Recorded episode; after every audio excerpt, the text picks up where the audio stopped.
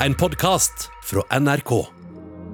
For noen få dager siden presenterte verdens ledende klimaforskere den største rapporten om verdens klima på flere år. Og det de sa, fikk FNs mektige leder til å slå alarm. The UN Secretary General calls the report a quote, code red for humanity. This report is so menacing. It does outline some of the things that simply have already been done, that won't be reversed. Hva var det disse forskerne fortalte som fikk verdens ledere til å bruke så sterke uttrykk, og folk her i Norge til å melde seg inn i miljøpartiene? Du hører på Oppdatert. Jeg heter Ragna Nordenborg. Hello, and welcome to the 5,000 people following us uh, for this press conference to present Climate Change 2021. Nå mandag 9. august så uh, startet uh, ja, ganske slapt Teams-møte. Det var uh, to menn bak et bord, de så ikke i kamera, det var blasse farger, det var mobilladere på bordet, de sleit med mikrofonene. Men rundt om i verden så satt likevel folk og intenst fulgte med på hva de hadde å si. En av dem var jo deg, Halvard Norum, for du er klimajournalist her i NRK. Ja, fordi det de skulle snakke om, og som også mange andre skulle snakke om på dette Teams-møtet, det var eh, resultatene i den mest omfattende eh, klimarapporten vi har sett på mange, mange år. Her var det snakk om 234 forfattere som har gått gjennom 14 000 eh, forskningsrapporter og skrevet en rapport på nesten 4000 sider om eh, det vi vet om klima i dag, eh, hvordan klima har vært i tidligere tider, og ikke minst hva som kan skje med klima framover. Altså hva som skjer, hvorfor det skjer, og hvordan vi vet det. Mm. Og etter en ganske lang presentasjonsrunde og oppramsing av veldig mange navn, så starta det jo for alvor, Halvard. And I now invite Hui Sung to introduce the report. Thank you, Jonathan. Uh, firstly, I'd like to recall that today is the International Day Dette er uh, Hoi Song Lee, som leder uh, FNs klimapanel, og han gikk egentlig rett på sak.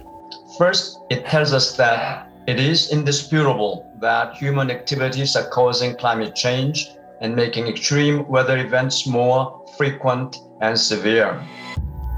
Så legg merke til ordet han bruker her. Han sier 'indisputable', altså udiskutabelt eller uomtvistelig at det er mennesket som forårsaker de raske omfattende klimaendringene som man ser nå.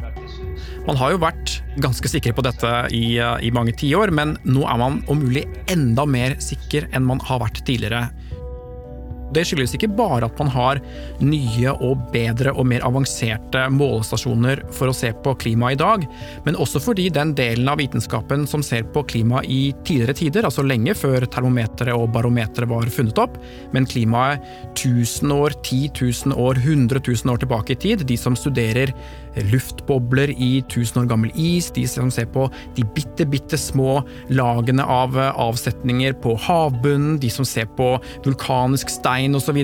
Den delen av vitenskapen som forstår hvordan klima var i tidligere tider, den blir stadig bedre.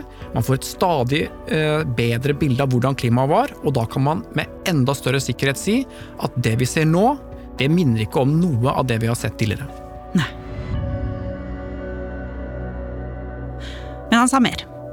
Second, it shows that climate change is affecting every region on our planet. Og det han sier her, er jo at klimaendringene nå påvirker så å si alle regioner i verden, bl.a. når det gjelder dette med ekstremvær. Tidligere var det jo sånn at klimaforskerne sa at dette kommer til å skje, vi kommer til å se en økning av ekstremvær, men nå ser man at det faktisk skjer. Nå ser man at værdataene bryter ut av gamle mønstre, det er noe annet enn naturlige variasjoner som nå skjer, og man mener at dette er med så stor sikkerhet som man kan få omtrent i vitenskapen, er klimaendringene som gjør. Strong, clear,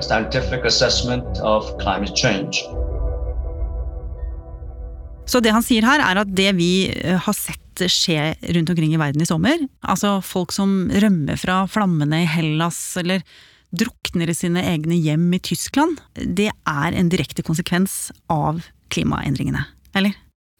Altså, Man kan aldri si med 100% sikkerhet at akkurat den tornadoen, eller den skogbrannen, eller den flommen, eller den hetebølgen skyldtes klimaendringer, men det man kan si noe om, er sannsynligheten for at noe ville skjedd med og uten klimaendringer, og det forskningen sier er jo at en del av de tingene vi har sett i sommer, hadde vært svært usannsynlige dersom vi ikke hadde hatt klimaendringer. Mm. Se for deg at du og jeg skulle spilt et spill med terninger, og vi mistenkte at noen hadde tukla med terningene. Hvis vi slår én terning, så kan vi ikke si så mye om hva som har skjedd. Men hvis vi slår terningen mange ganger og ser at her er det et helt unormalt antall seksere på terningen, da kan vi si med stor sannsynlighet at noen har tukla med terningene, for dette er neppe tilfeldig. I hand back to Jonathan. Thank, thank you very much, Rayson. And I now invite Valerian Panmal to present the new report. Thank you, Jonathan. Men så var det Valerie Masson sin tur til å snakke. Og hun er jo en av verdens ledende klimaforskere. Og hun dukka opp på skjermen, takka raskt for introduksjonen hun fikk, og så gikk hun rett på en powerpoint-presentasjon. Hun skulle jo da fortelle om hvordan vi ligger an med å nå målet vårt om å ikke overstige mer enn to grader. Helst ikke mer enn 1,5, som jo er et ønske i Parisavtalen. Og hvorfor er det et veldig sterkt ønske at vi ikke skal overstige 1,5 grader? Hvordan blir verden med 1,5 graders temperaturøkning? Ifølge klimapanelet så er vi jo allerede nå på rundt 1,1 graders oppvarming ish i snitt. Og ved 1,5 grader så vil vi jo se en økt sannsynlighet for en del av de tingene vi allerede ser mer av i dag. Ta f.eks. hetebølger, altså, og det vi så i den canadiske byen Lytten i sommer. Vi vil få økt sjanse for disse vedvarende periodene hvor det er liksom dag etter dag etter dag er veldig varmt og veldig tørt. Og hvor da en av de viktigste bremsene for ekstremtemperaturer når det gjelder varme, nemlig fuktigheten i jorda, blir svakere, og vi knuser varmerekordene med to, tre, fire grader. Hvor vi så får eh, torden og lyn som setter fyr på denne flishaugen som så da brenner så fort at folk nærmest ikke rekker å kaste seg i bilene og komme seg unna flammene. Når det skjer, så spiller ikke noen rolle om det begynner å regne, for da har flammene så godt tak at det er nesten umulig å stoppe. Så det allerede ved 1,5 grader så øker sannsynligheten for at vi skal få dette. Det er klart vi har hatt skogbranner før, og vi ville fått skogbranner uten klimaendringer også, men det forskerne sier er at sannsynligheten for at vi får disse ideelle forholdene for skogbrann, de vil øke allerede på 1,5 grader. Mm. Du vil se flere områder få problemer med drikkevannforsyningen fordi Eh, det blir bare økt fordampning og mer eh, tørke i da drikkevannskildene. Mer intense regnskyll, noe som også vil være utfordringer særlig i byene, hvor vi jo har asfaltert og dekket veldig mange av overflatene med vann. Altså Vannet kommer så fort at eh, rørene våre og slukene våre er ikke store nok, så vannet vil gå masse steder hvor vi egentlig ikke vil at det skal gå. Så allerede ved 1,5 grader så er det ganske store utfordringer. Og derfor var jo veldig mange spente på hva Valerie Massot kom til å si om nettopp dette med 1,5 graders oppvarming, og om vi klarer å unngå noe mer enn det. What is clear from this report is that unless there are immediate, strong, rapid and large-scale reductions in greenhouse gas emissions, limiting global warming to 1.5 degrees Celsius will be beyond reach. Et ganske nedslående budskap. Ja, Det hun sier er at eh, hvis ikke vi gjennomfører omfattende og raske utslippskutt, eh, så er det egentlig umulig å nå dette 1,5-gradersmålet. Og som en del klimaforskere med, med energi som spesialfelt eh, vil fortelle, så er det teknisk mulig å få dette til, men om ikke umulig, så ekstremt krevende eh, i praksis, fordi det vil kreve en politisk enighet blant alle verdens land som vi ikke har vært i nærheten av å se til nå. Så det veldig mange av verdens land eh, har blitt enige om å forsøke å holde seg til, nemlig 1,5 graders temperaturstigning, det klarer vi ikke. Antageligvis. With every additional amount of global warming, we will see greater changes in the climate. Og det Valerie Massot gjorde videre, var jo å vise fram eh, flere modeller, men bl.a. en modell på skjermen som viste ulike alternativer for hvor mange grader tempen faktisk kan stige i framtida, med da scenarioer for fremtida knytta til disse ulike temperaturalternativene. Og hun starta med to graders oppvarming, og hva som kan skje da. At two degrees of global warming, heat extremes would more often reach critical tolerance thresholds for agriculture and human health. Ja, det hun sier her er jo at eh, ved to graders oppvarming så vil vi oftere se disse hetebølgene som rett og slett er farlig for mennesker, altså der man rett og slett kan dø av det. Eh, riktignok vil jo eh, færre dø av kulde sannsynlig, men ved to graders oppvarming så vil dobbelt så mange som ved 1,5 grader ha problemer med drikkevannsforsyningen. Og man begynner også å nærme seg noen kritiske grenser for landbruket i deler av verden, der altså det blir så tørt, og man får ikke det klimaet man trenger for at rett og slett mat matproduksjonen skal eh, fungere. Så Det er noe av grunnen til at Parisavtalen sier at vi må holde oss godt under to grader, helst ned mot 1,5. Men hvis det da kommer to graders økning i framtida, når snakker vi egentlig? Når er det dette scenarioet du akkurat har beskrevet, eh, kicker inn? Ja, Det avhenger selvsagt av hvor mye eh, vi slipper ut de nærmeste årene, men dersom vi ikke skulle få skikk på klimapolitikken og fortsetter omtrent på dagens utslippsnivå, da sier klimapanelet at vi kommer til å krysse denne togradersgrensen en gang rundt midten av dette århundret. Mm, altså 2050. Det er jo ikke lenge til i det hele tatt. Nei, det er jo ikke det. Over the course of this century, men Valerie hun hadde jo mer. For det er jo ikke sikkert at oppvarmingen stopper på to grader heller. Hun hadde jo grafer som viste hvordan verden blir hvis temperaturene stiger med tre, og også kanskje fire grader, Halvard. Eh, hva er det som kommer til å skje da? Hvis vi begynner å bikke fire grader, da er vi virkelig i trøbbel. Da kommer den hetebølgen som tidligere kom hvert 50. år, kommer nå nesten hvert år. Eh, store landbruksområder vil eh, bli lagt øde, store havområder vil være tomme for fisk, fordi havet er for varmt, rett og slett.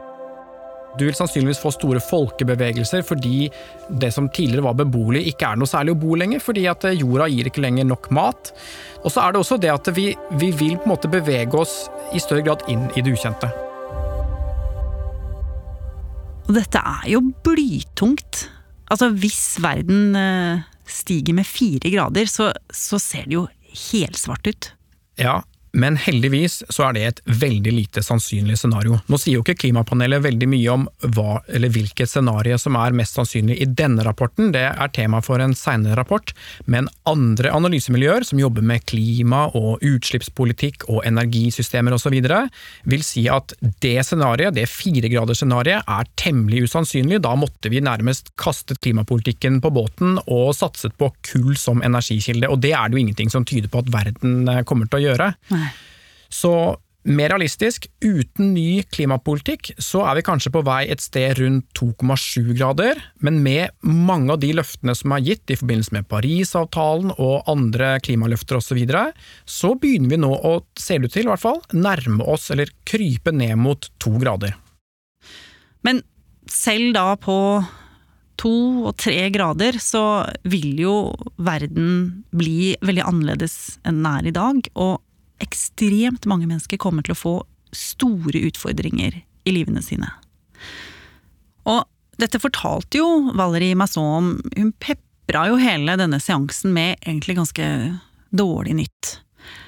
Men så sa hun jo noe. This report is clear that it is possible to limit future warming within a few decades. The climate we experience in the future depends on our decisions now. Thank you. Så det er jo litt håp likevel. Ja, som hun sier så er det jo fortsatt uh, mye håp. Én ting er jo hvor vi er på vei, en annen ting er hva vi får til med ekstra innsats. Nå har det skjedd mye på klimafeltet i verden bare de siste par årene. EU har kommet med mye skarpere klimaambisjoner, USA likeså. Også en del av de andre store utslippsnasjonene i verden er på glid. Og så skal det være et stort klimatoppmøte i Glasgow senere høst. Og det er jo lov å håpe og tro at eh, bl.a. denne rapporten skal bidra til at landene vil samarbeide enda bedre i framtida om å kutte utslipp. Og så logga jo Valerie og alle de andre seg av, eh, og pressekonferansen var slutt. Og da kom jo reaksjonene. The Earth's climate is getting so hot that in about a decade, temperatures will likely exceed the level of warming that world leaders are trying to prevent. Nei, dette er jo full alarm om det som er alle krisers uh, mor. UN Secretary General called the findings a code red for humanity, adding that it must be a death knell for coal and fossil fuels.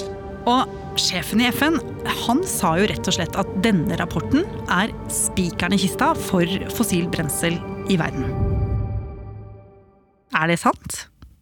Altså, Den spikeren slås ikke inn i kista i morgen, verken i Norge eller i resten av verden. Det er tross alt eh, veldig mange mennesker i dag som er avhengig av fossil energi til oppvarming og matlaging f.eks. Så uh, for Norges del så vil jo et tema i valgkampen være nettopp det dilemmaet med vår oljevirksomhet. Hvordan den skal passe inn i en verden som på den ene siden trenger olje og gass en stund til, men samtidig skal forsøke å kvitte seg med den uh, så raskt som mulig.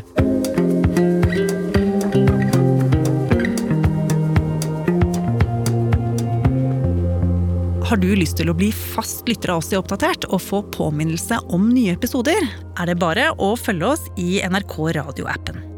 Og så er det veldig hyggelig hvis du vil anbefale oss til en venn.